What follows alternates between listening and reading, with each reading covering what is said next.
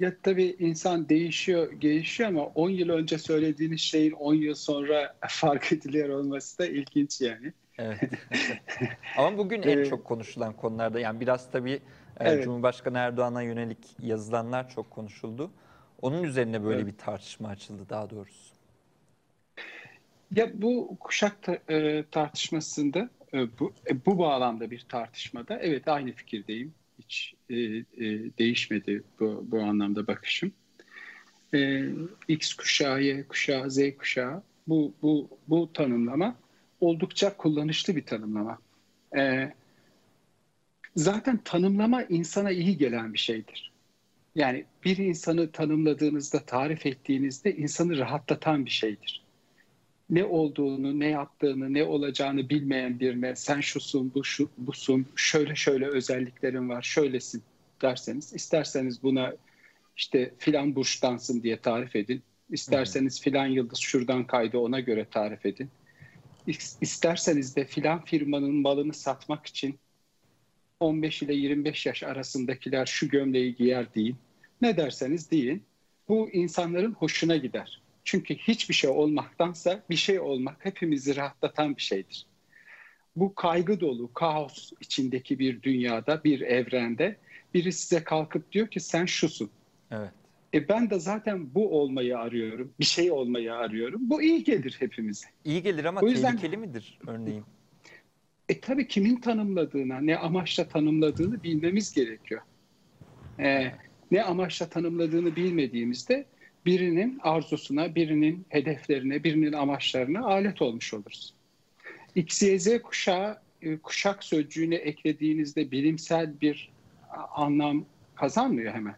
Yani burada kuşaklara karşı çıkmıyoruz. Elbette ki kuşaklar var. Ama X, Y, Z kuşağı e, işte Baby Boomer vesaire bunlar İkinci Dünya Savaşı'ndan sonra Amerikalıların ortaya attığı ve giderek de palazlanan, gelişen bir tanımlama biçimi bu. Evet bu bir şey birileri açısından bilimsel. Aha. İşte kime buzdolabı satmak istiyorsunuz, kime ayak spor ayakkabısı satmak istiyorsunuz, onları kapsayan bir tanım bu. Dolayısıyla dünyanın önemli bir kısmını bunun dışında bırakarak yapılan tanımlamalar. Hı hı. Ne bileyim tarlada çalışıyorsanız, kredi kartınız yoksa, Afrikalıysanız, işte ne bileyim çocuk işçiyseniz bu tanıma girmezsiniz. Nasıl gireceksiniz şimdi? Hedef belirlemiyor bunlar. İşte proje üretemiyorlar falan filan. Nerede proje? On- 16 saat çalışıyor bugün çocuklar Adana'da, Çukurova'da. 14 yaşındaki çocuklar pamuk topluyor. Hadi koyun bakalım şu X, Y, Z kuşağından bir tanesine yerleştirelim. Lütfen yani bu arkadaşlar da insan ya. Hani nereye yerleştiremiyoruz? Niye yerleştiremiyoruz? Çünkü tanımı yapan bunlarla ilgilenmiyor. Parası olmayanların içine al, e, parasınız yoksa, kredi kartınız yoksa bu tanımların hiçbirinde yer almazsınız. Size yeri yoktur orada. Hı Bu hı. tanımlar e, orta ve üst sınıf için yapılmış, e, amacına da uygundur. Yani kendi içinde bir bilimselliği vardır. Ama bunu bütün topluma dayatamazsınız. Üçte biri açlık sınırında yaşayan bir topluma bu kuşak tanımını giydirmeye çalışırsanız bazıları kendisini öyleymiş gibi zannetmeye çalışan öyle olmayan insanlardan oluşur. Bu da şiddettir. Şiddet ne demektir? Evet. Şiddet birini görmemek demektir. Birini görmüyorsanız şiddet uyguluyorsunuz demektir. İkinci şiddet uygulama yöntemi de onu olmadığı bir şeye ikna etmektir. Bu kuşak tanımları, X, Y, Z kuşağı tanımları şiddet uygulamaktır. Toplumun üçte ikisine şiddet uygulanıyor şu anda. Hı hı. Hocam çok e, çok doğru söylediniz. Yani ben tabii dediklerinizin tamamına katılıyorum. E, aslında biraz e, buradan e, şunu ben soracaktım ama e, şöyle bir tanım yapabilir miyiz? Çünkü çok fazla tartışılıyor bu. Örneğin yakın zamanda e, Cumhurbaşkanı Erdoğan'ın e, YKS ile alakalı bir konuşmasına da e, birçok yeni nesil yani e, 18 yaşındakiler diyelim. 18 yaşındakiler e, oy moy yok cevabını verdiler. Yani bu bir tartışma. Şimdi yeni gelen bir nesilden bahsediliyor. Örneğin bundan bahsedebilir miyiz? E, sizin dediğiniz e, yani biraz daha orta sınıf bir nesilden bahsediyorum ben. Hani daha böyle işte yeni oy kullanacak insanlar. 16 yıl boyunca AKP iktidarını e, görmüş olan ve başka bir hükümet görmemiş olan insanlar. Yani bunları değerlendirme imkanımız var mı acaba? Şimdi bu tabii benim sınırlarımı çok aşan bir konu. Ee, ama sorduğunuz için kişisel görüşümü söyleyeyim. Hı hı. Ee, bu konuda bilgi üreten, fikir üreten çok fazla gazetecimiz, çok sayıda sosyolog, çok sayıda felsefeci var. Onlara saygısızlık etmek istemem. Ama benim durduğum yerden mevzuyu e, bu e, çok uluslu şirketlerin sponsorluğunda yapılmış, bilimselliği tartışmalı, kapsayıcılığı tartışmalı, hatta ben tartışmam bile, olan e, tanımlar üzerinden bu yorumu yapamayız. Hı. Bu yorumu nereden yapabiliriz? Sınıf üzerinden yapabiliriz. Siz kalkıp Türkiye'deki sosyoekonomik hareketlere, sosyoekonomik zorluklara bağlı olarak ortaya çıkan toplumsal hareketliliği filan şirketin tişört satmak için ortaya attığı tanımlar üzerinden yorumlamaya kalkarsanız çuvallarsınız. Ya da şiddet uygularsınız. Ya çok cahilsiniz demektir. İki seçenek var burada. Bunu açık ve net olarak belirtelim. Yani bu kadar iddialı bir cümle kurmam ama bu konuda kurabilirim. Aha. Bunu buradaki hinliği, buradaki kurnazlığı görebiliriz ya da cehaleti görebiliriz. Eğer bir toplumdaki sosyoekonomik hareketliliği, bir toplumdaki sınıfsal farklardan doğan çatışmaları siz getirip filan şirketin tişört satmak için uydurduğu kuşaklar üzerinden yorumluyorsanız ya cahilsiniz ya kötü niyetlisiniz demektir. Aha. Başka bir açıklaması olamaz mı? Bunu hangi siyasal e, görüş, hangi siyasal örgüt kullanırsa kullansın. İşin ilginç yanı ülkemizdeki bütün siyasal partiler bu kuşak tanımlarını kullanıyorlar. Ya sizin hiç danışmanınız falan yok mu? Sizin hiç konuyla ilgilenen sosyolog falan yok mu? Kuşaklarla ilgili çalışan biri yok mu? Soldan sağdan her parti bunu kullanıyor. Neye dayanarak kullanıyorsunuz? Kime hizmet ettiğinizi biliyor musunuz? Sizin hiçbir parti tüzüğünüz falan yok mu? Neye göre yaptınız bunu? Nereden okudunuz bunları? Değil mi? Sormazlar mı insana?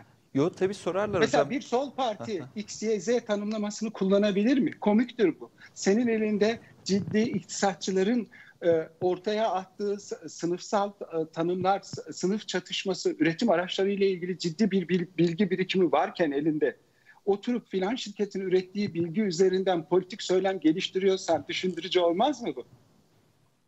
Evet. Neyse ee, ben sorunuzun sınırlarını açmayayım. Yok e, aslında doğru bir nokta. Ya en azından daha anlaşılır oldu e, söylemek istediğiniz şey. Şunu da sormak istiyorum bunun üzerinden aklıma gelen bir soru olarak. Şimdi örneğin bu bütün danışmanlar, bütün siyasi parti liderlerinin danışmanları e, sürekli e, bu kuşaklara yönelik bir propaganda gerçekleştiriyorlar. İşte yakın zamanda e, Netflix'le alakalı bir yasaklama olduğu zaman işte Meral Akşener'in e, Dark'ın son sezonunu izlemeden kapatma demesi e, gibi. Ee, örneğin biraz da onlardan bahsediyorsunuz galiba değil mi? Ya da diyelim ki özellikle şuna hedefli olsun e, gibi bir e, görüş, e, bakış açısı, e, bir kuşağı ya özellikle yakalamaya çalışmak. Ben belli bir siyasal örgütle ya da belli bir e, isimle po- polemiğe girmek istemem. Sadece burada kötü niyet olduğunu düşünmüyorum ben. Ama bunları biraz düşünmek gerekiyor. Yani bir şeyin bilimselliğini nereden anlarsınız? Bu makale nerede yayınlamış? Sponsoru kim? Ve amacı nedir? Makaleyi okumadan önce makalenin künyesine bakmanız lazım. Evet. Yani bu bilgiyi kim üretiyor? Yani dünyada birbiriyle çelişen o kadar çok bilgi var ki her bilginin mutlaka bir karşıtı da var. Bu bilgiyi kim üretiyor? Ne için üretiyor? Ne amaçla üretiyor? Buna bakmanız lazım. Yani böyle bir tuzağa düşülür mü? Yani böyle benim gibi sıradan insanlar böyle bir tuzağa düşebilir. Benim gibi sıradan profesyoneller böyle bir tuzağa düşebilir. Ama bir siyasal örgütlenme böyle bir tuzağa düşemez. Böyle bir hakkı yok yani. Böyle bir seçeneği olamaz. Ee, e, siz kitleleri yönlendiriyorsunuz. Kitleleri neye göre yönlendiriyorsunuz? Kitleleri evet. e, e, ticari kuruluşların e, politik malzemesi haline geliyorsanız ki kötü niyet olduğunu düşünmüyorum ben ama e, bu kadar cehalet de kötü niyet anlamına gelir bu. Hı hı. E, bu, bu cahil cahil halinizde o zaman bu işe niye kalkıştınız diye sorarlar. O zaman şey insana. istenmeyen bir şiddetten mi bahsediyorsunuz? Yani bu az önce şiddet olarak yani, konuştuğumuz için. Çok büyük bir şiddettir. Bir insana fiziksel olarak kolunu bacağını kırdığınızda bu kadar canı yanmaz. Düşünebiliyor musunuz?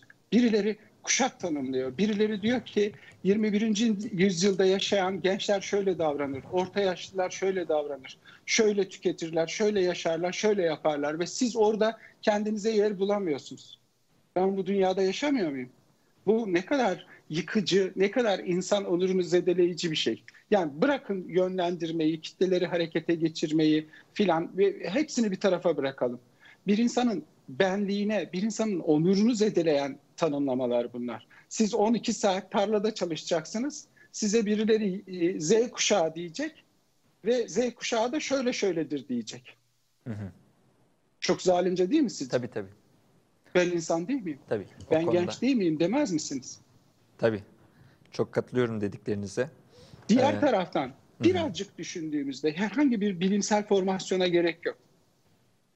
Hiroşima'yı yerle bir etmiş bir kuşağı. Ormanları yok etmiş, akarsuları yok etmiş bir kuşağı. Kadınların adının olmadığı, kadınların insan yerine bile konmadığı, koymayan bir kuşağı. Siyahları insan yerine koymayan bir kuşağı. Siz sorumluluk sahibi,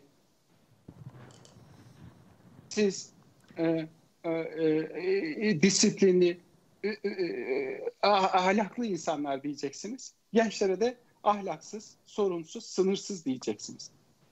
Hı hı. Yani herhangi bir formasyona gerek yok. Yani şu an içinde bulunduğumuz çağda bile gençlerin eline su dökemez. Kırkın üstündekiler. Gençlerin duyarlılığının yanından bile geçemezler. Ne duyarlılığından bahsediyoruz? Evet. 12-13 yaşındaki kız çocuklarını eş diye alıp çocuk doğurmuş. Değil mi çocuk gelinler nereden geliyor işte? Gelenek dediğimiz şeyden geliyor. Tabii tabii en büyük en büyük problemlerimizden nereden geliyor? Geçmiş kuşaktan geliyor. Yani o kuşakla şimdi şimdiki gençleri karşılaştırıp niye? Çünkü hareketlilik her zaman gençlerdedir. Hı hı. Gençleri kontrol etmenin ilk yolu da insanı kontrol etmenin ilk yolu da suçlu hissettirmektir. Hı hı. Bir insan 35 yaşına kadar üniversitede okuyup yüksek lisans yapıp master doktora yapıp ondan sonra 3 kuruş maaş veriyorsunuz. Yani bu adam ilkokulu bitirip bu kadın ilkokulu bitirip gidip konfeksiyonda çalışsa daha fazla ekonomik gelir elde edecek. Peki bu eğitim maliyeti nereye gidecek? Bunu kim ödeyecek? Şimdi böyle bir kuşağın öfkesini dindirebilmek için onu suçlu hissettirmeniz gerekiyor. Nasıl suçlu hissettireceksiniz? Siz iş beğenmiyorsunuz. Ya nasıl beğensin? Hı hı. Adam gittiği, kadın gittiği okula 40 bin lira para ödemiş, sen 2500 lira maaş veriyorsun. Öfkeli olacak tabii bu. Ama bu öfkeyi nasıl dindirirsiniz? Suçlu hissettirerek dindirirsiniz. Gençleri suçlu hissettirmek üzerine kuruludur bu tanımlamalar. Suçlu hissettirdiğiniz birini kontrol edersiniz. Suçlu hissettirdiğiniz birini sömürebilirsiniz. Suçlu hissettirdiğiniz birini istediğiniz tarafa sürersiniz. Çünkü insanın vicdanında e, e, daha güçlü bir bekçi yoktur. Onun içine onu yerleştirdiğinizde kontrol edersiniz. Gençleri suçlu hissettirmeye kimsenin hakkı yok. Biz şu anda sorumsuz gençlerle uğraşmıyoruz. Biz şu anda ormanları yok etmiş, akarsuları yok etmiş, kadınlara şiddet uygulamış, siyahlara şiddet uygulamış, yoksulları ezmiş bir kuşağın dünyada açtığı yaralarla uğraşıyoruz. Gençlerle değil. Hı hı. Gençlerin suçu var yani? Hocam çok ne suçluyorlar ama. Zaten e, ben tabii sizin... çünkü çünkü kendi günahlarınızı unutturmanın ilk yolu başkalarını suçlamaktır. Yaşlıları... Çocuklarını terlikle döven bir annenin, ö- çocuklarını, öğrencilerini cetvelle döven bir öğretmenin, gençlere bir şey söylemeye hakkı yok ki ya. Yani biz 20 yıl önce şiddetin ne olduğunu bile bilmiyorduk. Ya tanımını bilmiyorduk. Kadına yönelik şiddetin ne olduğunu bilmiyorduk. Evet. Ş- çocuğa yönelik şiddetin ne olduğunu bilmiyorduk. Büyükler konuşurken sen orada dur. İşte sen kadınsın şöyle yap. Fa- falan filan. Şimdi bu kuşağı mı başımıza tac edeceğiz? Kırkın üstündeki herkesin şimdi ve burada hangi taraftan olursa olsun, hangi pozisyonda olursa olsun koltuklarını terk etmesi lazım gençler. Ar etmesi lazım insanın ya. Ya böyle bir kuşaktan geliyoruz biz. Böyle bir e, gelenekten ve kültürden geliyoruz. E, genç, gençlerin yüzüne bakacak halimiz yok yani. Bir de uydurma kuşak tanımlarıyla e, falan firmanın filan firmanın şunu tartışıyorlar ya Z kuşağı hangi yaştan başlar hangi yaşta biter diye. Evet. Ben ben yardımcı olabilirim. Tabii buyurun. Hiç hiç tedirgin olmalarına gerek yok. Hangi firmaya sponsor, hangi o araştırmanın sponsoru hangi firmadır, ne satmaya çalışıyor? Ayına, gününe, yılına kadar, dakikasına kadar Z kuşağını nereden başlatıp nerede bitireceklerini söylerim ben. Ne satmak istiyorlarsa söylesinler yardımcı olurum. Ee, peki şunun sahtekarlık olduğunu düşünüyor musunuz? Diyelim ki bazıları da diyor ki az önce koltuklarını bırakmayanlardan bahsettiniz de onun için söylüyorum. Bu Z evet. kuşağı zehir gibi işte çok zekiler, e, inanılmaz geliyorlar diyorlar ama gerçekte belki de o koltukları e, yapışmış durumdalar ve Z kuşağının önünü açmıyorlar. Bununla alakalı da bir görüşünüz var mı? Bizim hızla dünya dünyadan bahsediyorum. Dünyanın sorunu bu. Hı hı. Dünyanın sorunu her zaman muktedirlerdir. Bundan sonra da öyle olacak. Geçmişte de öyle olmuş. Muktedirler kimlerdir? Muktedirler yaşlılardır. Çünkü sermaye onlarda birikmiş. Muktedirler erkeklerdir. Çünkü sermaye onlarda birikmiş. Yüzde, yüzde biri sadece kadınlara ve çocuklara ait taşınabilir gayrimen şey, taşınmaz gayrimenkulleri. Geri kalan hep erkeklere ait dünyada. Demek ki 40'ın 50'nin üstündeki erkek yani yaşlı hem erkek hem yaşlı iseniz bir an önce devretmeniz lazım her şeyi. Hı hı. Her şey ne iş yapıyorsanız. Yani Hocam umarım e, dinlerler sizi. Yok dinlemezler. Dinlemezler. 10 yıl önce söylediğiniz düşünebiliyor musunuz? 10 yıl önce bir şey söylüyorsunuz ülkede hem de bunu ulusal kanallarda söyledim ben. Kimse evet. demiyor ki kardeşim sen ne saçmalıyorsun? Kalkıp bizim e, işte şurada burada e, parti programımıza aldığımızı, şurada burada şirket programımıza aldığımızı filan sivil toplum örgütünde kullandığımız tanıma sen bilimsel değilsin değil diyorsun. Ne hakla diyorsun bunu? Seni bu ülkede işte profesyonel olarak, e, e, psikiyatrist olarak, akademisyen olarak kim çalıştırıyor? Bir hesabını ver bakalım. Sen nasıl böyle laflar ediyorsun diyen çıkmadı. Biraz Niye gündeme almak istemedikleri için mi böyle yapıyorlar e, sizce? E, tabii yani istemediğiniz şeyleri duymazsınız. Bunu bu arada şöyle bir şey de olmasın yani. Bu arada bir tek bunu böyle düşünen ben değilim. Benim gibi düşünen bir sürü insan var. Ben tabii, tabii medyada işte bir tanınırlığım ve konuştuğum zaman işte bana mikrofon uzatan yerler var. O yüzden ben seslendirmiş olabilirim. Ben hani kimin ne söylediğini bilmiyorum ama büyük olasılıkla benimle aynı zamanda belki de benden çok daha önce aynı lafları, aynı sözleri düşünen bir sürü insan var bu ülkede, bu dünyada var. Hı hı. Ama sesiniz duyulmuyor ki. Ben konuştum da ne oldu? Duyuldu mu? Duyulmadı. 10 yıl sonra duyuldu. Ne zaman duyuldu? Duyuldu hocam aslında. Yani işte ben de duyuldu? çok fazla işte, paylaşılan olduğunu İşte bir, bir, bir şeyi olunca yani bir e, e, patlak verince so, so, sorun patladı yani. Sorun patlayınca duyuldu. E, patlamadan önce duysaydınız sizi şeyi kastetmiyorum. Yo, yo, Bu anladım. konuda konuşan, düşünen bir sürü insan var. Bilgi üretiliyor. Dünyada da üretiliyor hiçbir bilgi tek bir kişiye mal edilemez. Hep birlikte üretiyoruz. Hı. Ama maalesef gücü elinde bulunduran şirketler, devletler doğruyu duysalar da duymamazlıktan geliyorlar. O yüzden hani e, e, bilgi insanlık tarihinin ürettiği bilgi çok kıymetli ve bu aşağı yukarı hepimizin ulaşabileceği yerde duruyor hele çağımızda hepimiz benzer düşüncelere sahibiz. Ben buna inanıyorum. Hı hı. Ee, şimdi e, son 5 dakikamız kaldı ama e, biraz daha konuşmak istiyorum bence ama bu konuyu çok iyi açıkladık.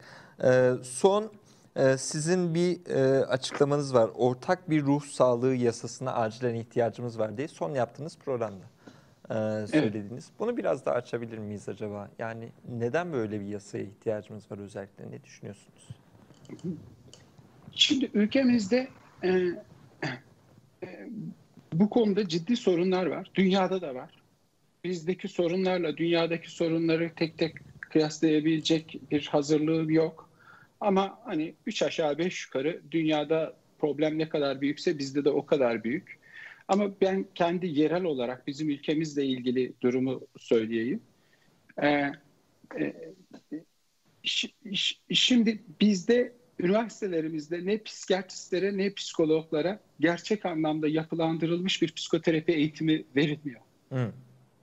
Ama psikoterapist olarak çalışma yetkinliğiyle mezun oluyor insanlar. Psikoloji bölümünün özel bir durumu var. Psikoloji çok özel ve e, önemli bir bilim dalı. Ama tek e, alanı klinik değil. Kliniğe hapsedemeyiz. Psikoloji bölümünü bitirdikten sonra klinik psikoloji ayrı bir alandır. Orada çalışmak gerekiyor. Ama işin ilginç yanı klinik psikoloji doktorası ve yüksek lisans yapan arkadaşlarımıza da maalesef meslektaşlarımıza da maalesef psikoterapi eğitimi yapılandırılmış olarak verilmiyor. Dolayısıyla burada bile bu kadar büyük bir sorun varken bu eğitimleri hiç almamış kişiler de psikoterapi vesaire gibi şeyler yapabiliyorlar. Hı hı. Bu bu terapi demek tedavi etmek demek. Yani insanların en zor durumda e, bu insanlara başvurduğu yer demek. Evet. Dolayısıyla psikoterapistlerin mutlaka bağlı oldukları yasalar, bağlı oldukları kurumlar, bağlı oldukları meslek örgütleri olmak zorunda. Yoksa sömürü olur bu. Bu geçmişteki din insanlarının e, e, halkı sömürmesi gibi bir şey. Orta çağda e, e, Hristiyanlar e, cennetten yer satmışlar. Hı hı. İnsanların insafına bırakılamayacak kadar iki kişi arasında olan bir çalışmadan bahsediyoruz. Dolayısıyla hızla bunun netleştirilmesi ve yasalaştırılması gerekir. Kimler yapabilir? Hangi yasalara tabi olacaklar? Nasıl çalışacaklar? O önemli. Yoksa isteyen istediğini okuyabilir. Yani isteyen gider psikoloji okur, isteyen gider tıp okur, isterseniz açık öğretimden okursunuz. Nereden okursanız okuyun. Mesleki yeterliliğin olabilmesi için sınavların, kategorilerin, askeri gerekliliklerin yerine getirilmesi gerekiyor. Eğer şu anda mesela şöyle iddialı bir şey söyleyeyim. Şu anda psikoterapi halk sağlığı açısından faydalı bir şey midir, değil midir sorusunu buna dönüştürürsem sorunuzu, böyle evet. sorarsam emin değilim. Hmm. Eğer mesela insanların kafasında şöyle bir yanılgı var. İşte ilaçlar yan etki yapıyor. Evet, ilaçlar yan etki yapıyor. Var. Bir bıçak kesiyorsa Hipokrat'a atıf yapabilir. Ancak kesiyorsa tedavi edebilir kesen bir bıçakla öldürebilir, tedavi de edebilir. Bu ilaçlar için de geçerlidir. Kesiyorsa bir ilaç iyileştirebilir, evet öldürebilir, doğru. Biz zaman zaman ilaçları kullanırız, zaman zaman psikoterapiyi kullanırız, zaman zaman ikisini birden kullanırız. Psikoterapi sanıldığı gibi yan etkisiz bir uygulama değil. En az ilaçlar kadar, en az bir cerrahın bıçağı kadar keskindir. Öldürebilir, evet. yaşatabilir yan etkileri vardır yani. Dolayısıyla belli kurallara ve belli e, kurumlara bağlanmak zorundadır. Herhangi bir meslek gibi icra edilemez psikoterapi. Şu anki mevcut duruma baktığımızda eğer 30 kişiden 3 tanesi iyileşiyor, 27 tanesi sahtekarlara e, e, mahkum oluyorsa, zarar görüyorsa, yan etki görüyorsa ve hiçbir denetim yoksa o zaman böyle bir uygulamanın yapılıp yapılmaması tartışmalıdır bana göre. Yani Hı-hı. 30 kişiye uygulayıp 27 kişiye 25 kişiye elimde bir araştırma yok. Hissimi Tabii, ve evet. gözlemimi söylüyorum. Çok ciddi, tehlikeli, yanlış uygulamalar görüyoruz. Ee, o zaman bu uygulama hiç olmasın daha iyi. Tabii. Yani mış gibi yapamayız.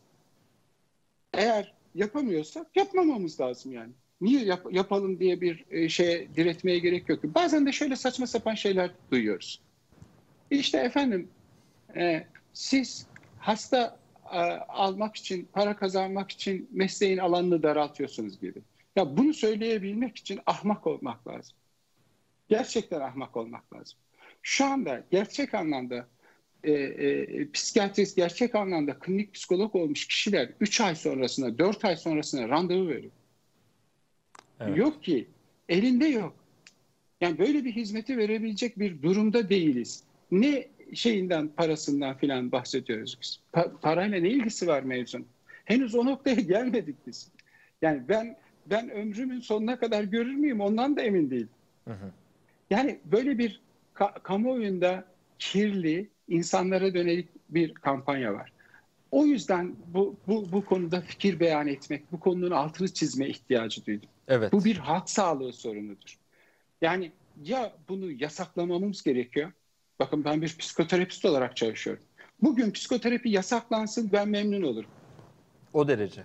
Bu, bu, bu derece kötü uygulamalar var. Bu O derece zalim, bu derece yıkıcı uygulamalar var. Emin değilim. Bir araştırma yok elimde. Hı hı. Ama büyük ihtimalle e, 50-50'dir en fazla faydasıyla zararı. Bu, buna birinin el atması lazım. Böyle şey olur mu? Yani bu kadar önemli bir konu e, insanların insiya, insa, insafına bırakılır mı? E, biz psikoterapistler tek başınayız. Yetkiyi kendimizden alırız. Eğitim alırız. Yapıp yapamayacağımıza kendimiz karar veririz psikoterapiyi. Ama bir psikoterapist yalnız olamaz. Bir psikoterapistin hesap vereceği meslektaşları, hesap vereceği meslek odasının, hesap vereceği meslek yasasının olması gerekir. Eğer yoksa sapkın olur. Kerameti kendinden menkul psikoterapist olur mu? Biz bir tekniğin uygulayıcısıyız. Biz guru değiliz. Biz bir teknik uygulayarak kişinin kendi hakikatini bulmasının yolunu açıyoruz. Tavsiye falan vermiyoruz yani. Yanlış anlaşılıyor bazı şeyler. Evet. Hocam e, çok iyi açıkladınız ama süremizi doldurduk. E, bu konuyla ilgili en azından önemli bir probleme de değinmiş olduk. Bu kapsamını e, ben de dahil birçok kişi bilmiyordu belki. E, çok teşekkürler yayınımıza katıldığınız Ben için. çok teşekkür ederim. Fırsat verdiğiniz, e, e, konuşturduğunuz için çok sağ olun. Çok E, bir daha dilerim. ağırlamak isteriz. Çok sağ olun. Çok teşekkürler tekrardan. Memnuniyetle her zaman. E,